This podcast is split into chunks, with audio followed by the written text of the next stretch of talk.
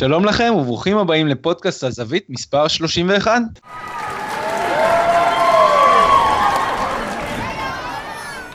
הזווית הוא אתר ספורט עם מטרה ברורה, להביא לכם תוכן ספורט איכותי ונטול אינטרסים. אתם מוזמנים לעקוב אחרינו בהזווית co.il ובפייסבוק הזווית עם שני ו"ים. ואם אתם מעוניינים להצטרף לקהילת הבלוגרים המדהימה שלנו ולהביע את דעתכם בנושא ספורט שונים ומגוונים, אתם מוזמנים להיכנס ללשונית הזווית למצטרפים באתר, לרשום את הפרטים שלכם ואנחנו כבר נדאג לחזור אליכם. וכמו בכל שבוע, גם היום, יש לנו המון נושאים על הפרק ובשביל לדבר על כל הספורט המעניין הזה, אני רוצה להציג לכם את הפורום המאוד מאוד מכובד שלנו, וערב טוב ראשון למנחה הקבוע של הפודקאסט הזה, שהיום אה, עושה היכרות ראשונה עם כיסא הפרשן. ערב טוב תמיר זוארץ.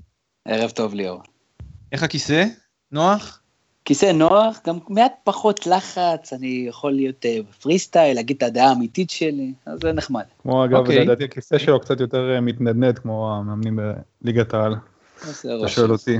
אז, אז אפרופו מאמנים בליגת העל, תמיר, אתה כבר שלחת פרחים השבוע לחיים סילבס? אה, אני מעדיף אה, לא לשלוח אה, לאף אחד ושאף אחד לא יקבל רעיונות. לדעתי הליגה הזאת היא די סגורה, לצערי.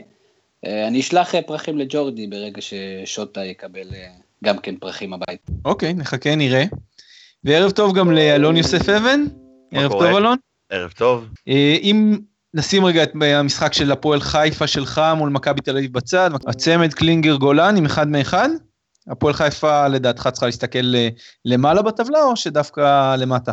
צריכה להסתכל למטה, לראות שהיא בטוחה, שהיא לא תהיה קרובה עוד פעם למאבקי ירידה ולחכות עוד פעם עד הדקה ה-90, ואחרי זה לחשוב אולי למעלה. טוב, יהיה, יהיה מעניין לראות באמת לאן זה ילך. וערב טוב גם ליוחאי שטנצלר, איש המספרים של אתר הזווית. ערב מצוין ליאור. יוחאי, ברק בכר האריך השבוע את החוזה שלו בהפועל אה, באר שבע עד 2020. אה, זה באמת, אה, אתה רואה את, הפועל, את ברק בכר נשאר בהפועל באר שבע עד אז, הוא לא, לא אמור למאמן כזה לצאת לאירופה קודם? אמ, שאלה טובה, כמו ליגיונר טוב וכמו הרבה מאמנים אחרים שלפעמים קצת קופצים יותר מדי גבוה, לפעמים הם הולכים קצת גבוה מדי נשרפים אחר כך.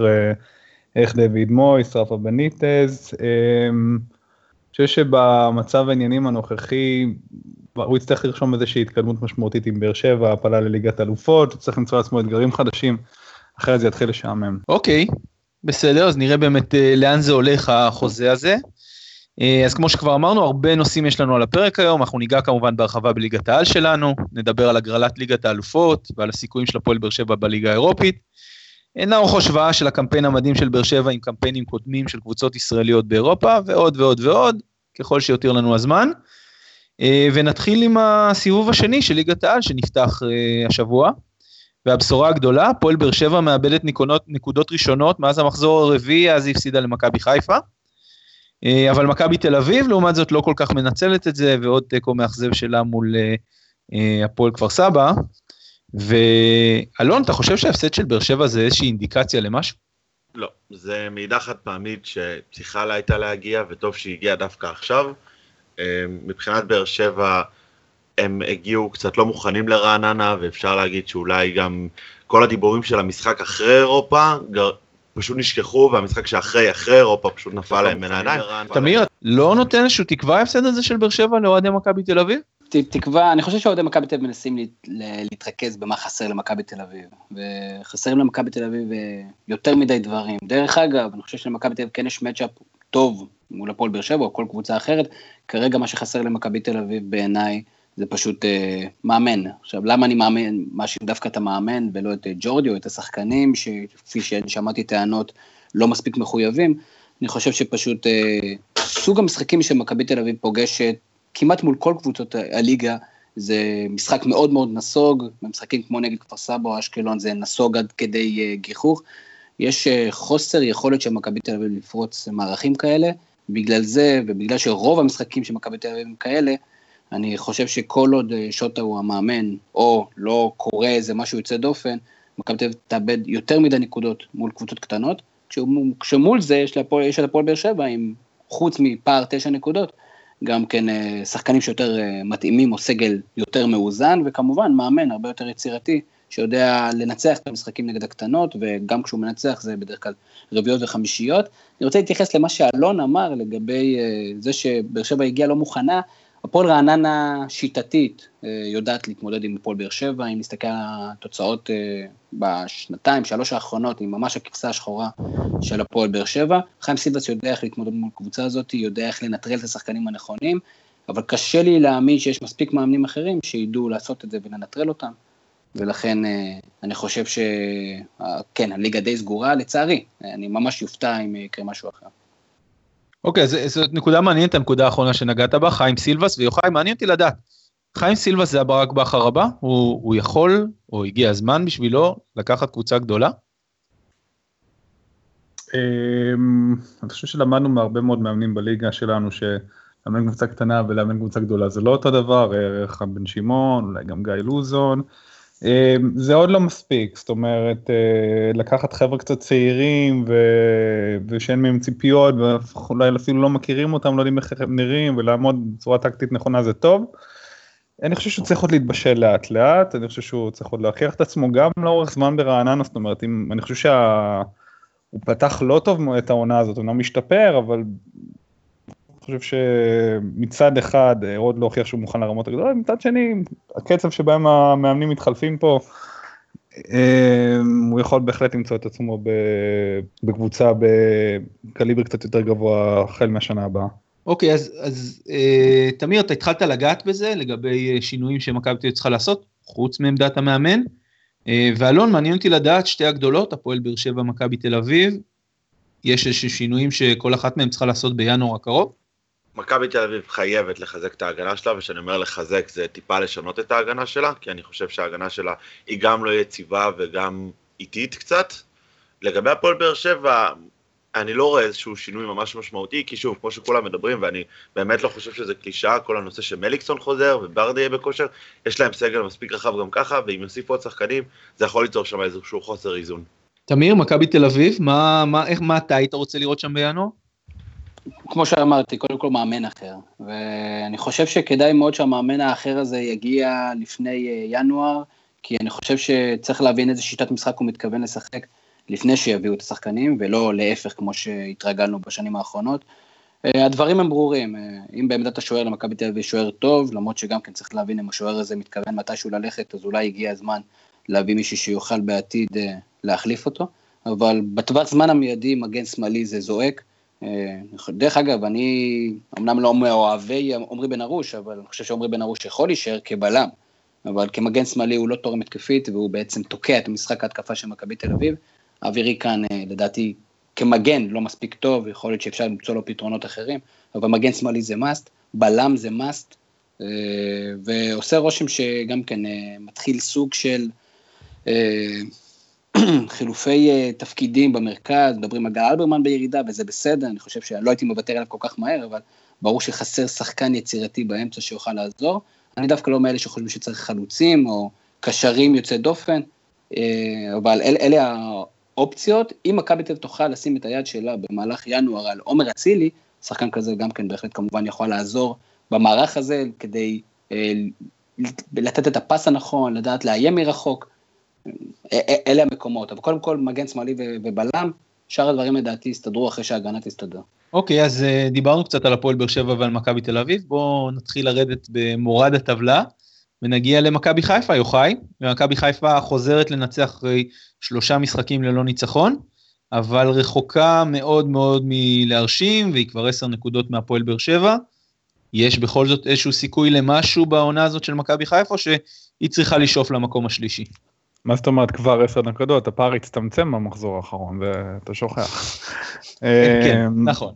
כן, אה, קודם כל לקחו נקודות במגרש קשה זה נחמד, זה טוב לחזור במסלול הניצחונות. אמ, קצת באמת נמאס לשמוע את המילים בתהליך וכמה זמן, כי סך הכל הסגל הזה כן צריך לקחת את, אה, ללכת קצת יותר רחוק. אני חושב שמכבי חיפה צריכה להתקבע על ההרכב שלה, זאת אומרת מוניסטיין רוצה להראות לנו שכל מיני שחקנים יכולים לשחק כל, בכל מיני עמדות, שריאן יכול להיות גם קשר שמאלי וגם קשר ימני, ושקגלמאכר יכול לשחק גם בלם וגם מגן ימני. קודם כל שיתאפסו על ההרכב שלהם, שינסו לראות איך הוא רץ, אמנם יש פציעות ואילוצים, אבל עדיין, זאת אומרת, כל החילופי, כל, כל, כל, כל משחק יש הרכב אחר, ו, ו, ופעם זה מימין ופעם זה משמאל, ופעם... חושב שחיפה צריכה להתקבע להרכב שלה, זה יעזור לה בהמשך לפ... ככה להיות יותר שיטתית, שכל אחד ידע את המקום שלו וככה גם לפצח את היריבות שהן אולי מצופפות. אחר כך, שההרכב פה מקובע, אפשר קצת לעשות ניסיונות, לנסות uh, לשנות כמה דברים. Um, אבל חיפה צריכה, אני חושב, עדיין איזשהו חיזוק. Um, אני דווקא מאוד מאוד אוהב את uh, גלנור פלט, uh, אני חושב שתורם המון, שחקן חכם, אין הרבה שחקנים כאלה בליגה, אבל כרגע נראה שזה לא זה, ומקווה שאולי חלוץ אחר קצת יותר רע, יותר מסיבי, יותר עוצמתי, יתרום. אמ, נקווה לטוב, אני חושב שהשנה הזאת לא תצליח לעשות יותר מזה, אם תישאר צמודה למכבי זה הישג, למרות שמכבי לא נראה טוב, ולקוות לשנה הבאה, להמשיך את התהליך הזה כמו שקוראים לו. אז, אז בהקשר הזה של מה צריך לעשות בינואר, מכבי חיפה כבר מתכוונת להנחית בארץ בלם, אני מקווה שאני אגיד את השם הזה נכון, אולגר איילופסון, אה, והדבר הראשון שהוא עשה זה פספס את הטיסה לישראל, אה, אני מקווה שזה לא מעיד על זה שהוא הולך לפספס איזה יניב אברג'יל הבא או משהו כזה, אבל אה, זה באמת מה שמכבי חיפה צריכה עכשיו בינואר לעשות, להביא עוד בלם. ההגנה על פניו נראית בסדר כביכול, זאת אומרת, לא, לא סופגת הרבה שערים, גלאזר בסדר, והחבר'ה משחקים טוב, אבל uh, יש את האיטיות של דקל, ווליאנטה מרבה להיפצע, מדברים על זה שוולנטי הוא בלם בסדר, אבל לא, לא משהו יוצא דופן, וגם אין יותר מדי אפשרויות אחרות על הספסל, אז כן, צריך בלם שירוץ קדימה, שיעשה את החצי שנת הזאת כרגע כהתאקלמות, על מנת ששנה הבאה הוא יכול לעמוד בביטחון, כשחקן שמכיר את הקבוצה, את המנטליות הישראלית, ולהתחיל את העונה הבאה כמו שצריך. אז אה, לגבי מכבי חיפה, קודם כל, אני חושב שהמשחק של מכבי חיפה, הפועל תל אביב, הראה בהחלט אה, את מכבי חיפה החדשה, שזה במילים אחרות, מכבי חיפה בלי אה, חן עזרא. ואני אסביר. קודם כל, חן עזרא הוא כמובן בדיוק השחקן המוכשר וחסר התוחלת, או חסר התפוקה המספקת, אה, וראינו אותו במהלך השבוע במדעי הפועל תל אביב, שחקן מאוד מפוזר, שהוא מפחיד כשהוא עם הכדור, ועוד יותר מפחיד אותך כשהוא עם הכדור, כשאתה, כשאתה, שהוא השחקן של הקבוצה שלך. מכבי חיפה מתנהלת בשקט, ולמרות אה, פתיחת עונה לדעתי בכלל לא מספקת, אני חושב שגם כנגד כן הפועל תל אביב הם שיחקו לא טוב, ובכלל אה, סריה של משחקים לא טובה שבה מולינסטיין, לדעתי לא הגיב מספיק טוב לקבוצות שמולו. אה, יש המון שקט, הקהל נותן שקט, וזה, וזה הבסיס, זה הבסיס הזה שאיתו אפשר לצמוח. לגבי אה, גלאזר, אמר יוחאי שהוא בסדר, הוא לא בסדר, הוא מדהים. כרגע גלאזר הוא שוער מהטובים בליגה מסכים, שלנו. מסכים, מסכים, לא, מסכים לגמרי, אולי... הציל את, הפו, הציל את חיפה נגד הפועל תל אביב מספר פעמים. היה לו הצלות כן, נדירות. באמת נדירות, והוא באמת נהדר, היה כיף לראות אותו.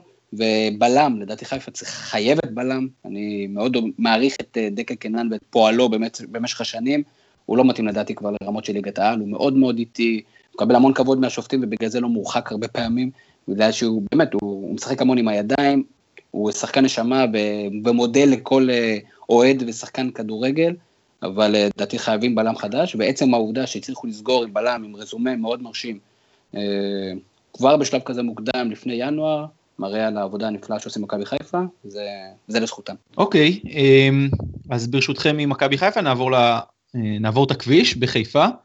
ואלון, שאלתי אותך קודם לאן הפועל חיפה צריכה לשאוף, למעלה או למטה, או לאן להסתכל יותר נכון, למעלה או למטה. ורציתי לשאול אותך, יש איזושהי תחושה מרעננת בעקבות השינוי בעמדת המאמן?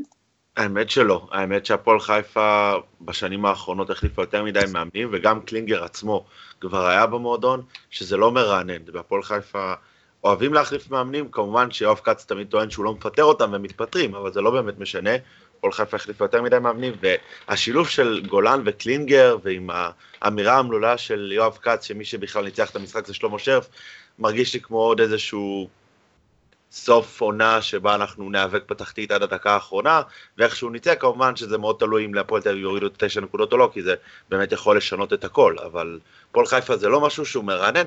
כן הייתי רוצה לראות שינויים בינואר, כן הייתי רוצה להתחיל לחשוב קצת מחוץ לקופסה, אולי איזה חלוץ, חלוץ צעיר, כי אי אפשר לבנות על הלאה ל-90 דקות, ושלומי ארבטמן, למרות הגול שהוא הבקיע, הוא לא באמת פוגע, והייתי מחזק את ההגנה, הייתי מחזק את ההגנה, אני באופן אישי לא כל כך מחזיק מפיניירו, טל בנין הביא אותו אז ממכבי נתניה, שהם ירדו ביחד ליגה, אני לא בדיוק הבנתי למה הביאו אותו, אבל אני כן שמח שניר קלינגר ודני קולן מתחילים להשתמש ברועש, כי למרות כל הבעייתיות והכל, הוא ילד של המועדון, והוא ילד שיודע את המשמעות של משחקים בהפועל חיפה, ושהוא מבין את המשמעות של משחקי תחתית, משהו שהרבה מאוד מהשחקנים לא באמת מכירים בהפועל חיפה.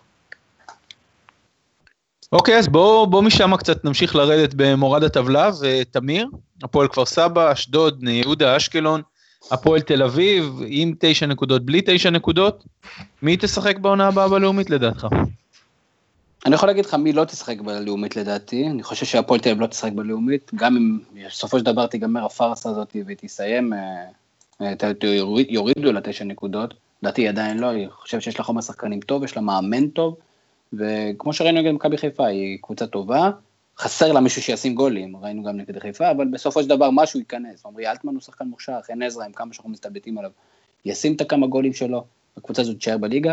גם עם סמך אשדוד, למרות שכרגע היא במקום יחסית נמוך, היא קבוצה מוכשרת מאוד, והצירוף הזה של יוסי מזרחי, כמה שהיה עליו ביקורת, לדעתי אה, יעזור להם.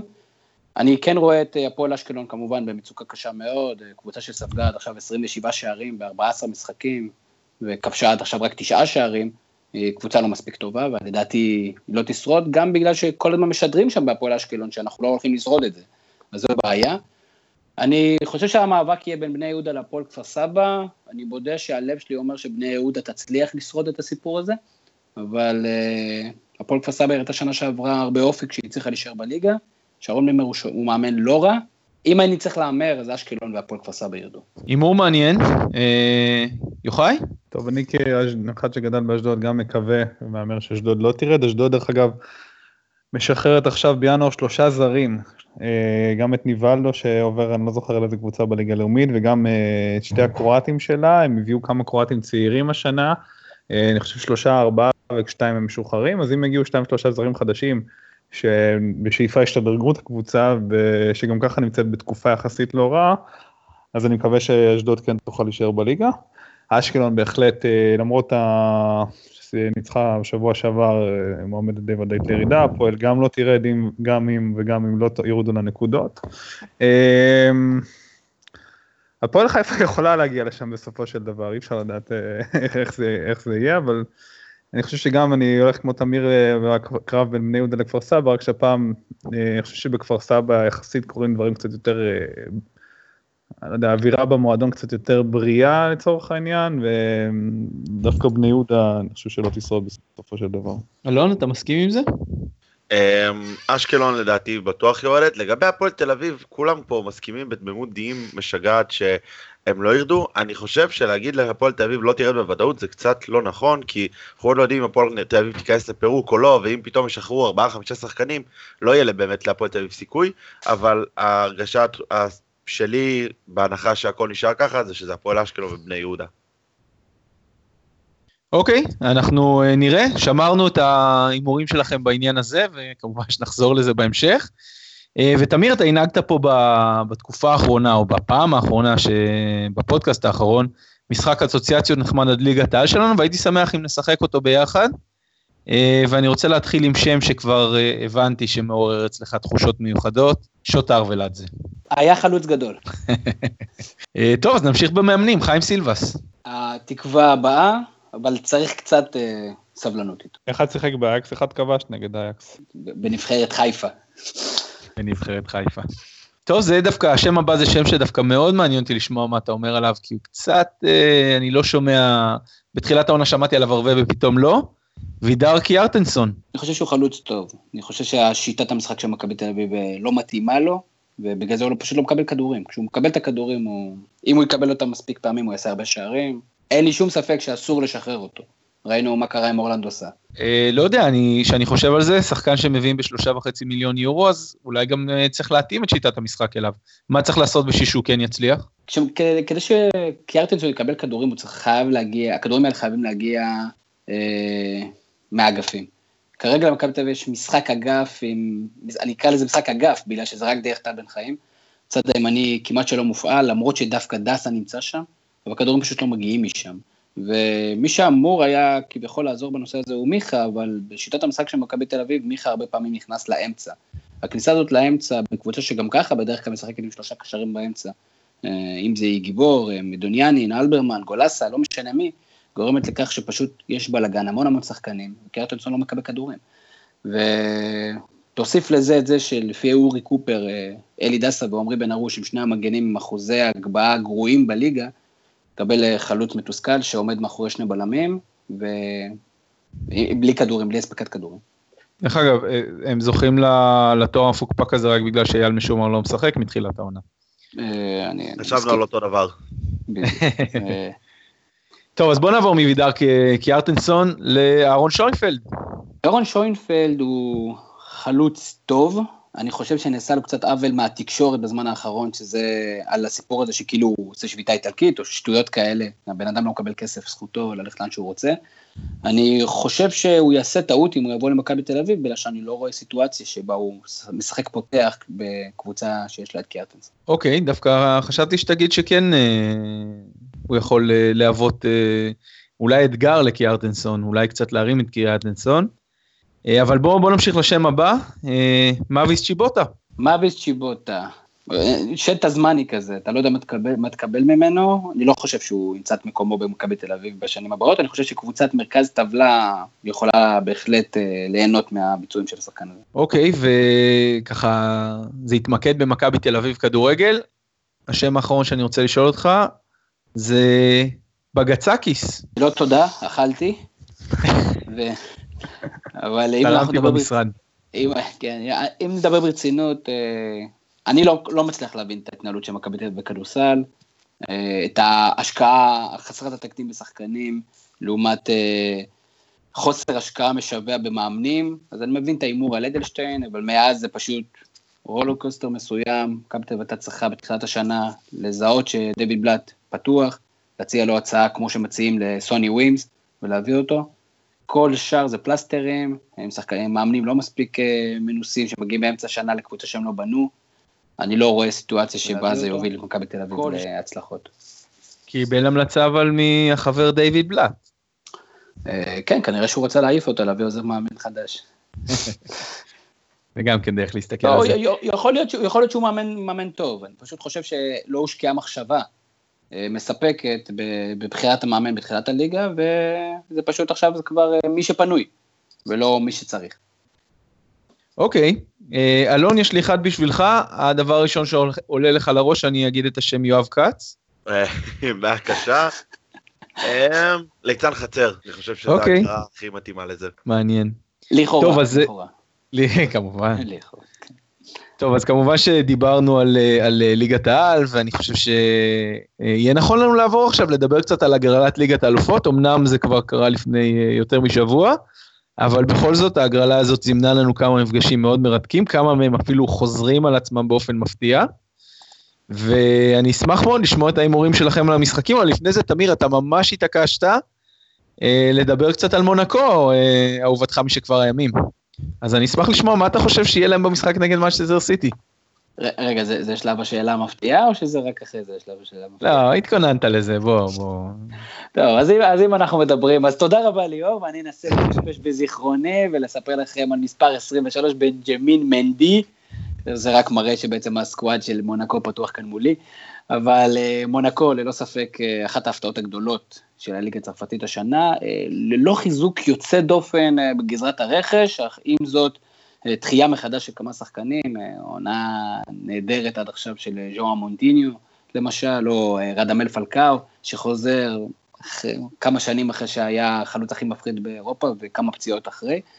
ומונקו שסיימה את אה, בית חמש של ליגת האלופות אה, במקום הראשון, אמנם לא היה בית הכי קשה בעולם, היה להם את אה, לברקוזן, טוטנאם, שזה בהחלט היה מפתיע שלא הצליחו להפיל, ואת צ'סקה מוסקבה מצליחה להפיל, וכרגע מונקו היא קבוצת ההתקפה הטובה ביותר באירופה, בכל הליגות האירופאיות, לפחות אלו ששווה להסתכל עליהן. ודווקא במחזור האחרון הם מפסידים לליון 3-1 בבית, אחרי תוצאות מפחידות בבית, 4-0, 3-0 כמעט בכל משחק. ומונקו תפגוש את מנצ'סטר סיטי, ואני אומר לך, שים לב לסיפור הזה, סיטי כמובן הפיבוריטית, בטח סיטי של גוורדיולה. אה, אני מצפה, במידה וההפסד הזה לא יהפוך להיות איזה כדור שלג, אני מצפה למאבק הרבה יותר פתוח ממה שאנשים כביכול יכולים לחשוב. אם אני יכול רק להוסיף על מונקו, אני אגלה לכם סקופ, אני אוהד של מונקו, באמת יש דבר כזה. יש דבר כזה? כן, כן, עם מוטלה אוהד של ליאון, אני אוהד של מונקו, מהימים שנות ה-90, שגדלו שם הנרי וטרזגה ופטי, ועוד לפני זה שיחק שם קלינסמן. והייתה תקופה קבוצה התקפית, בלי אוהדים, כי בנסיכות הזאת אין כל כך הרבה אנשים, תמיד האצטדיון שם ריק. ואני אגב כמו מאמין כמו תמיר ואפילו מהמר שהם יעברו את הסיטי. אוקיי אז יש לנו את ההימור שלך אלון, ההימור שלך למשחק הזה? סיטי. סיטי, זה, זה, זה הקל, אני אלך איתך פה. אה, אז בוא נרוץ מהר למשחקים, אני אשמח לשמוע את ההימורים שלכם. ריאל מדריד נפולי? ריאל. ריאל. Uh, טוב, עוד אנקדוטה, השבוע ביום ראשון הייתי בנפולי, הייתי עם אשתי, עם משפחה שלה, עשינו קניות בנפולי, התלבטתי אם ללכת למשחק שלהם נגד טורינו, בסוף זה לא קרה, לא היה לי פרטנרים, נגמר 5-3, ואני, סיימתי סיימתי עם חור בכיס. הקניות של אשתי. אמ, אבל ריאל, כן, בכל זאת. ריאל. בנפיקה דורטמונד? דורטמונד. אה, בנפיקה אמנם שנה שעברה הגיעה עד רבע הגמר, אבל דורטמונד היא קבוצה בכושר נהדר, וקבוצה נהדרת, אני לא רואה הרבה סיכוי לבנפיקה. אה, דורטמונד האמת קצת הולך לה די טוב באירופה, אמנם היה לה בית די קל, אבל בליגה היא ממש מקרטעת, אתמול היא גם רשמה עוד איזה תיקו רביעי, ולא הולך לה, זאת אומרת, החליפו שם המון שחקנים. אה, מדברים, כשהולך להם הם כובשים בצורות, אבל הם נתקעו ביותר מדי משחקים העונה, הם מאוד מאוד רחוקים מהצמרת, לדעתי יותר מ-10 נקודות. אמ, אני מאמין שעד אה, פברואר אומרת שהמשחקים אה, יתקיימו הם כבר קצת, אומנם יש להם עוד את פגרת הקיץ, את פגרת החורף, אה, ועדיין הם יעברו את בנפיקה, אבל זאת לא תהיה הפתעה מרעישה אם בנפיקה תעבור אותם. אלון?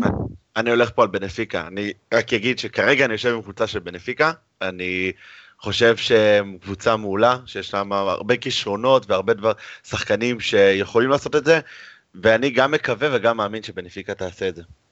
אני לא ידעתי שבנפיקה יש חולצה בכלל, אבל סבבה. אה, ביירן מינכן ארסנל, כבר היו לנו מפגשים כאלה בדיוק בשלב הזה, גם ב-2012-2013, אז ארסנל הפסידה בבית 3-1 וניצחה 2-0 בחוץ שלא הספיק לה, וגם ב-13-14 שהפסידה 2-0 בבית וסיימה ב-1-1 בחוץ. הפעם זה יהיה שונה, נראה את ארסנל בשלב הבא.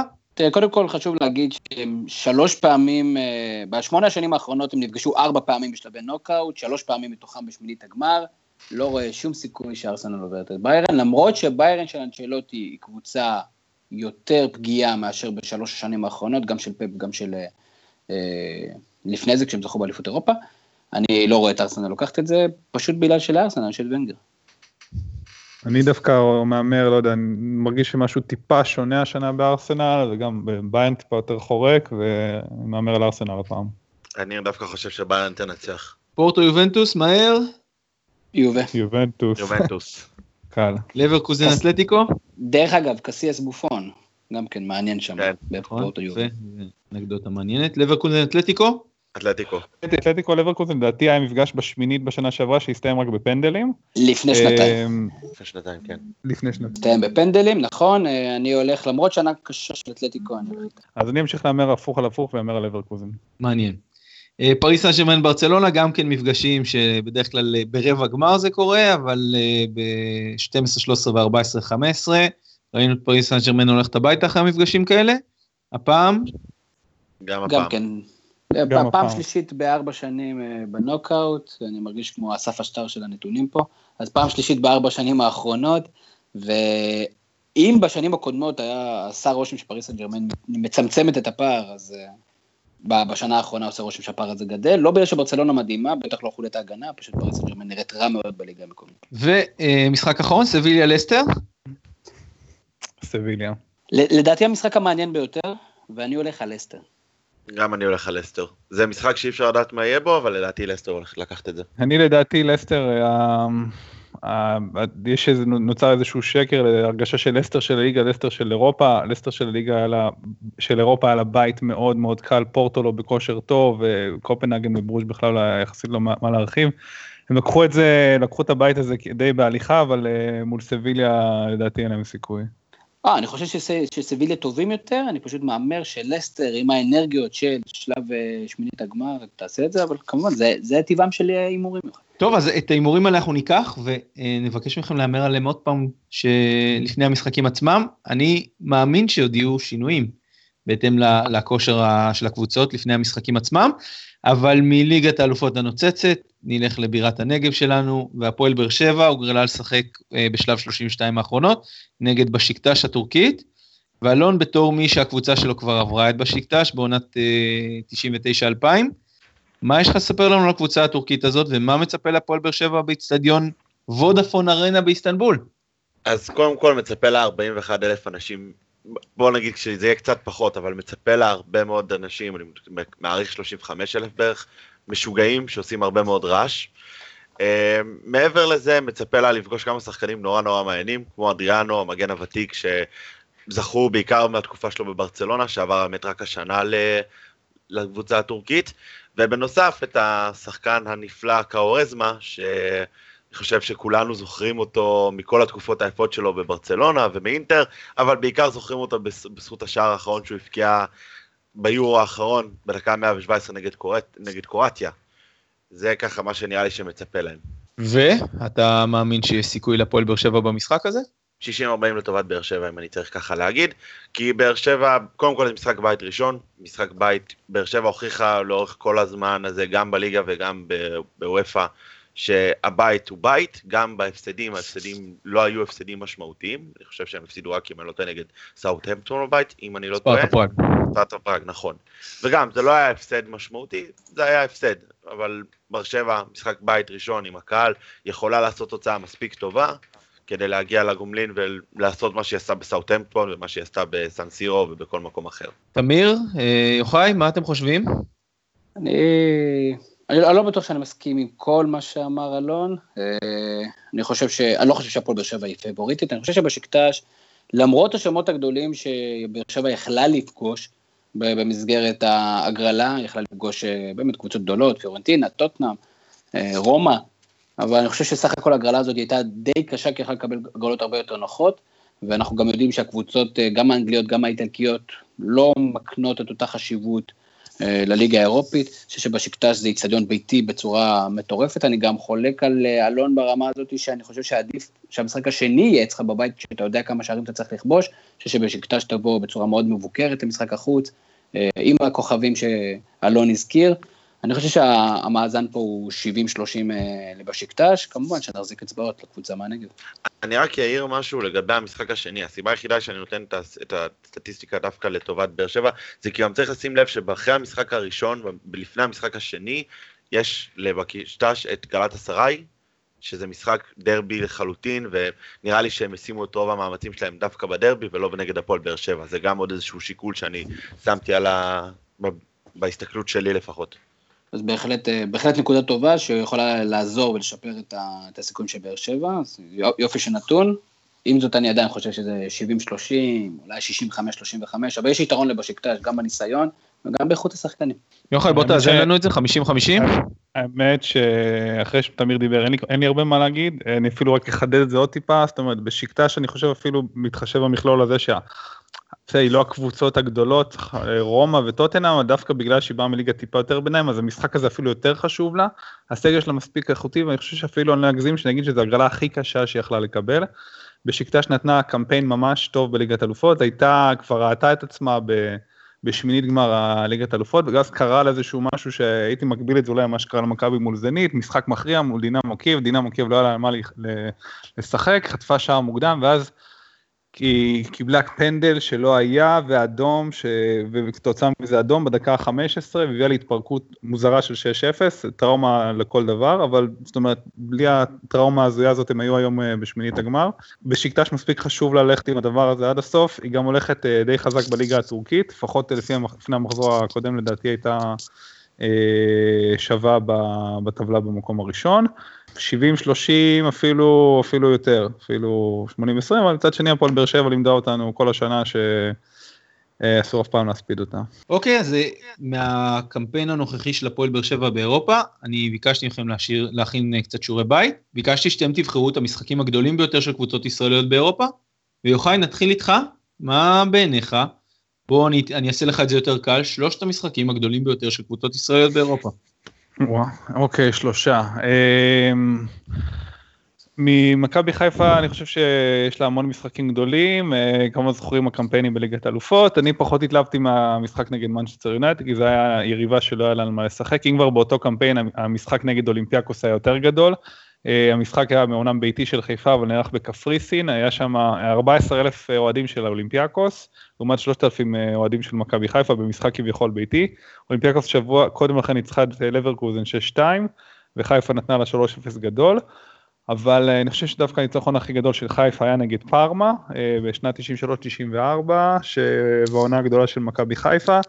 פארמה אז הייתה בערך אחת משלוש-ארבע קבוצות הכי טובות בערך ביבשת, הם בדיוק אז ניצחו את אה, מילאן הגדולה, שאולי אחת הקבוצות הגדולות בכל הזמנים, הייתה הראשונה שניצחה את מילאן אחרי משהו כמו 50 משחקים, היה לה את אספריה, ברולין, זולה, אה, והיא הייתה מחזיקת גביע אירופה למחזיקות, וחיפה באה אחרי שהפסידה במשחק הראשון בבית בדקה ה-90 משער של ברולין, והצליחה לנצח בחוץ, אה, באצטדיון של פארמה.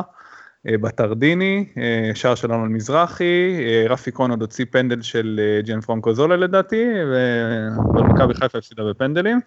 זה, אני חושב, אני חושב שזה הניצחון הישראלי הכי גדול.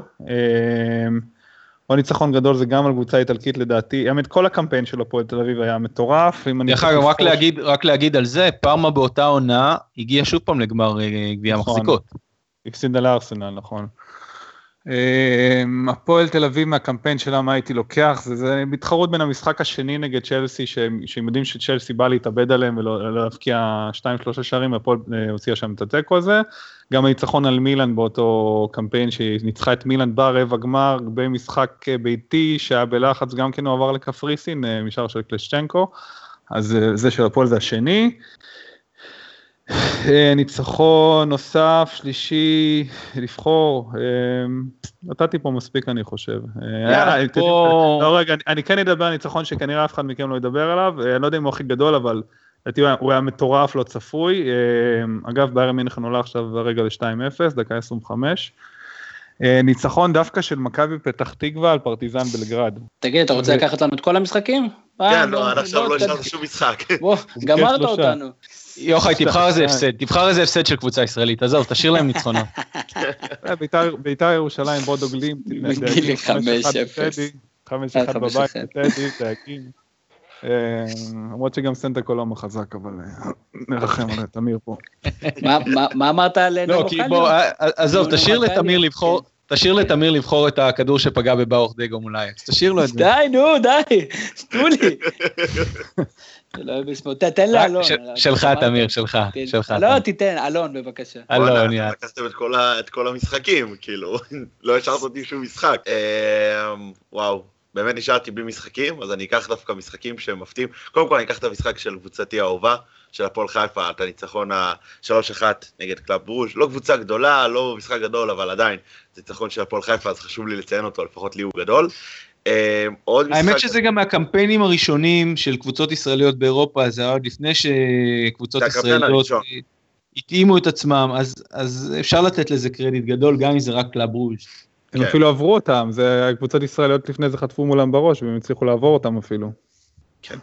אמ, משחק נוסף שהייתי לוקח זה דווקא לא ניצחון, זה מכבי תל אביב נגד יובנטוס, זה היה משחק באמת אדיר, למרות שהוא נגמר בתיקו אחד, באמת זה היה משחק, מבחינתי לפחות משחק ענק.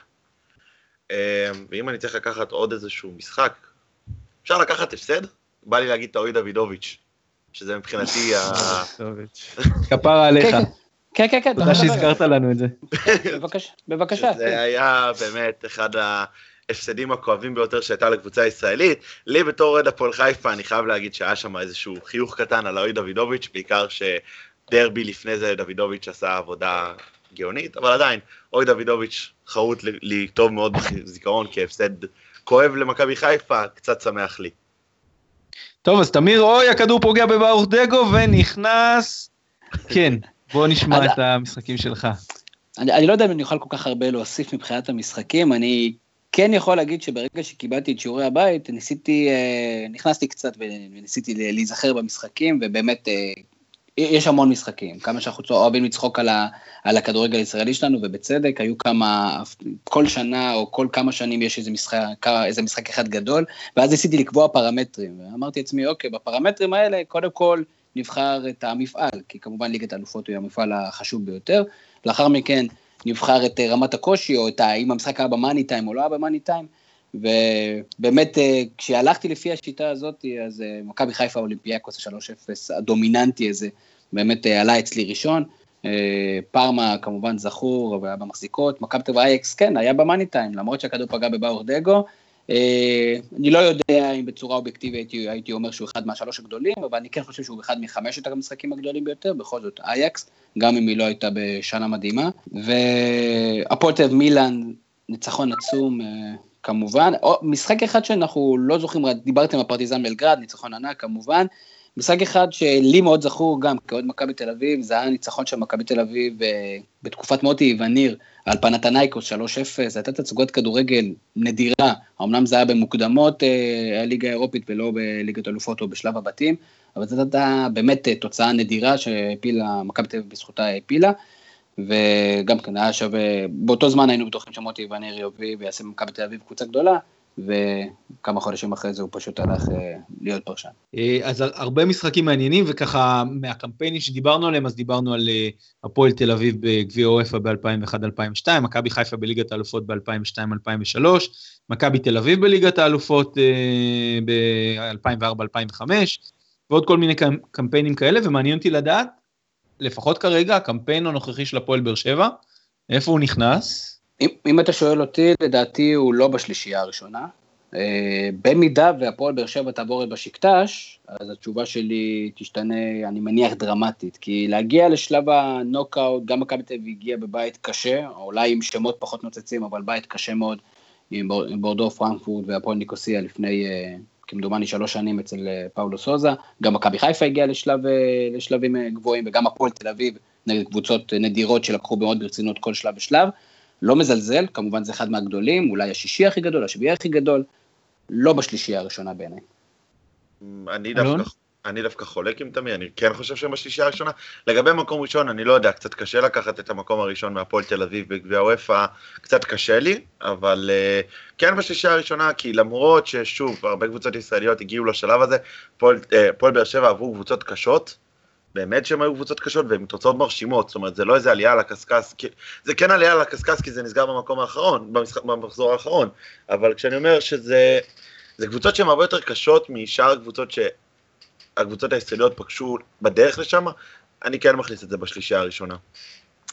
אם אני ממשיך את הדיון הזה, ליאור, בשנייה, אני, אני חושב שדווקא בבית הזה, כמובן שאינטר אה, זה קבוצה עצומה, יותר מזה, אינטר היא קבוצה אהודה עליי באיטליה, אבל אינטר אה, של היום היא קבוצת אה, מרכז טבלה באיטליה, שחצי מהשחקנים שלה, לא חצי, אני כמובן מגזים, ארבעה שחקנים שלה, מהמרכזיים שלה, לא רשומים בכלל לאירופה, והשאר לא בהכרח פתחו בכל המשחקים.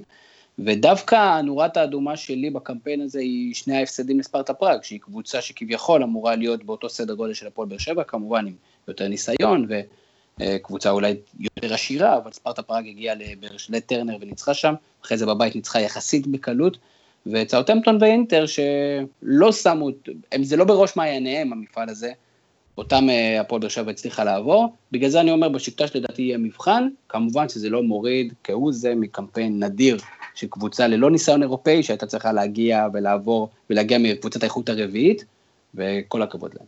אני חושב שאם אנחנו עוד שנייה אחת נתעכב על זה, אני חושב אבל שאין שום קבוצה אירופית שום קמפיין אירופי של קבוצה ישראלית, שאפשר להגיד שהסגלים שהיה את הניצחונות המרשימים, הגיעו בסגלים מלאים. זאת אומרת, אני מסתכל כרגע על כמעט על כל משחק גדול. ניקח את צ'לסי שהגיע למשחק בחוץ בלי שישה שחקנים מרכזיים, ניקח את מנצ'סטר יונייטד שהגיע בלי שחקנים מרכזיים. אני חושב שעל זה לפסול את הקמפיין ולא להגיד שהוא בחמישה הראשונה, בשלישייה הראשונה זה קצת לא נכון, כי כמעט בכל משחק גדול של קבוצה ישראלית, ודיברנו את זה גם לפני שעלינו ככה להקלטה עצמה, שהמשחקים עצמם תמיד היו עם איזושהי כוכבית כזאת קטנה בצד. ככה אני כן, מגדיר את זה. שוב, אני לא, לא, לא ממעיט בהישג, אני פשוט חושב שקמפיין מכובד בליגת האלופות שווה יותר מאשר קמפיין מאוד יפה בליגה האירופית. אני, אני חייב להגיד שאני מסכים, אני חושב שהפועל, כמו שאמרת תמיר, אם הפועל באר שבע יעברו את בשיקטש, אז uh, נסתכל על הקמפיין הזה אולי בצורה אחרת. אני נוטה להסכים איתך, זה לא בשלושת הראשונים, uh, יש כמה קמפיינים גדולים יותר של קבוצות ישראליות, גם אם הם לא היו בליגת האלופות, uh, אבל uh, בוא ניתן להפועל באר שבע עוד צ'אנס מול בשיקטש ונראה איך זה מתפתח. וברשותכם מפה, אני רוצה לעבור קצת לכדורסל, ולדבר קצת, אולי שוב, על מה שקורה במכבי תל אביב, ורק אה, עם כוכבית אני אגיד את זה, כי בזמן שאנחנו מדברים, מכבי תל אביב מפרקת את צסקה מוסקבה. מפרקת זה מילה קצת גדולה מדי, נכון שהתוצאה היא 14, אבל זה משחק שהוא בקלות יכול להשתנות, בעיקר לאורך שמכבי תל אביב נראית.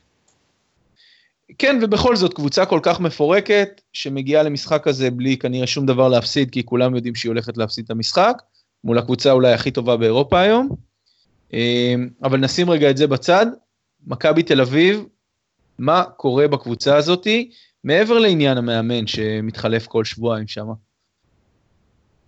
אני חושב שאם באמת אה, יורשה לי, התחלתי לדבר על זה מקודם, שהקבוצה לא השקיעה באזורים הנכונים, ואחד מהם הוא קודם כל המאמן, אבל אני חושב שמכבי תל אביב, אה, עם כל המבנה המסועף שלהם בשלב זה, עדיין לא החליטה מי הוא האיש שאמור להחליט את ההחלטות המקצועיות בקבוצה, או לפחות זה לא ידוע לי, וגם בגלל זה גם כאן לא ממש ברור מה השיקולים בהבאת שחקנים, צריך לזכור שגם היה להם קצת חוסר מזל עם הפציעה של, של הזר שלהם. מילר, כרגע, קווינסי מילר. כן, של קווינסי מילר, שדרך אגב ראיתי אותו עושה תאונה לפני כמה ימים, אבל לא משנה, הוא אה, נפצע והוא היה שחקן מאוד מאוד חשוב בפאזל הזה. נפצע בתאונה גם? לא, הוא לא נפצע בתאונה, הוא אה. נתן איזה מכה קטנה לרכב מלפניו, יצאו החוצה, פתאום מישהו ראה שזה הוא, אמר לו אל תדאג, הכל בסדר, והמשיך הלאה. זה היה אחרי משחק הניצחון על גליל עליון.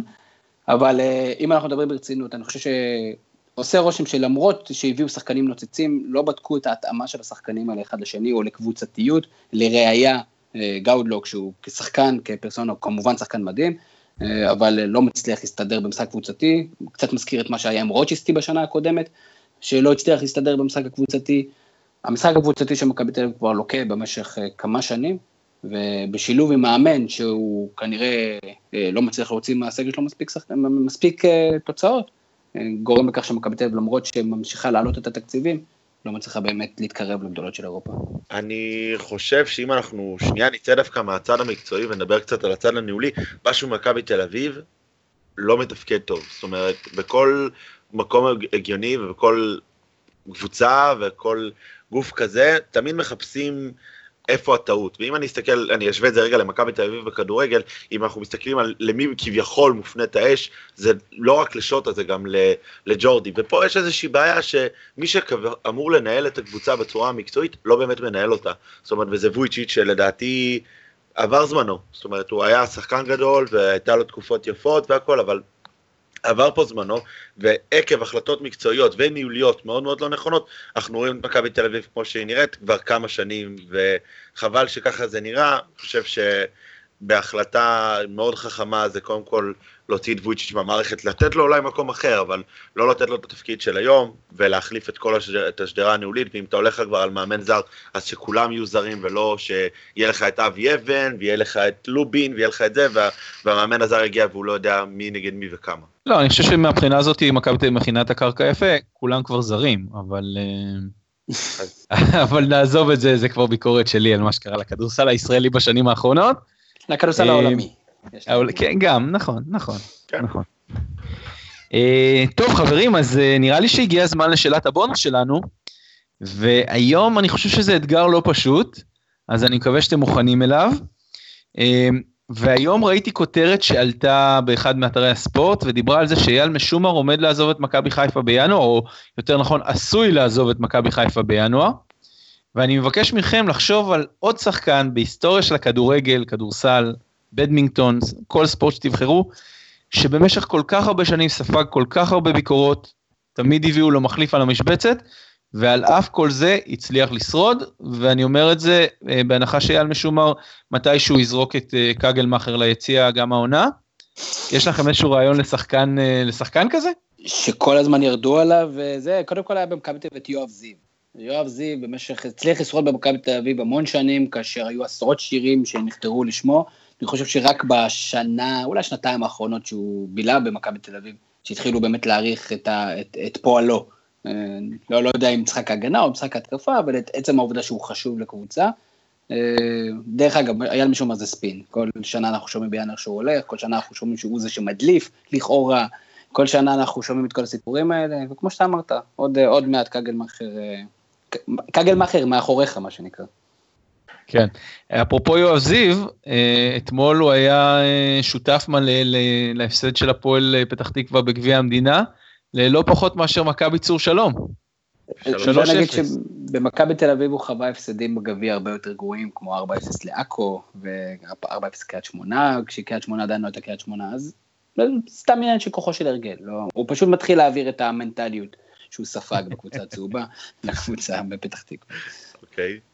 אלון, לא שכחתי אותך, יש לך שחקן כזה? אני אלך על אושי רואש, דיברתי עליו מקודם, ואני דווקא יחסית עוד איכשהו מעריך אותו, אושי רואש כל שנה מביאים בלמים שיחליפו אותו, וכל שנה יש בעיות עם, עם, עם המשכורת שלו ועם החוזה שלו, וכל שנה אומרים שהוא לא מתאים, וכל שנה המאמן שולח אותו ליציע, ואז מגיע התקופ... הפיטורים של המאמן, או מגיע ינואר, ואושי רואש חוזר להיות הבונקר, וחוזר להיות גם הקפטן בצורה מאוד מאוד מפתיעה. כן, זה באמת, זה באמת סיפור מאוד מוזר עם אושרי רואש, כל הזמן בכותרות וכל הזמן ממשיך באותה קבוצה. אוקיי, יפה, התמודדתם יפה עם האתגר, אני חייב להגיד. אה, ואני רוצה להגיד תודה רבה לכם, תודה אה, תמיר, ותודה אלון, ותודה ליוחאי שנעלם לנו פה באמצע, אה, ותודה גדולה כמובן לברק קורן שמאחורי הקלעים דואג שכל הפודקאסט הזה יצא לפועל. אה, ותהיו איתנו גם שבוע הבא בעוד פודקאסט מרתק, לא פחות, על הספורט הישראלי ובכלל, ותמשיכו לעקוב אחרינו באתר. שיהיה לכם ערב טוב. ערב טוב. ערב טוב.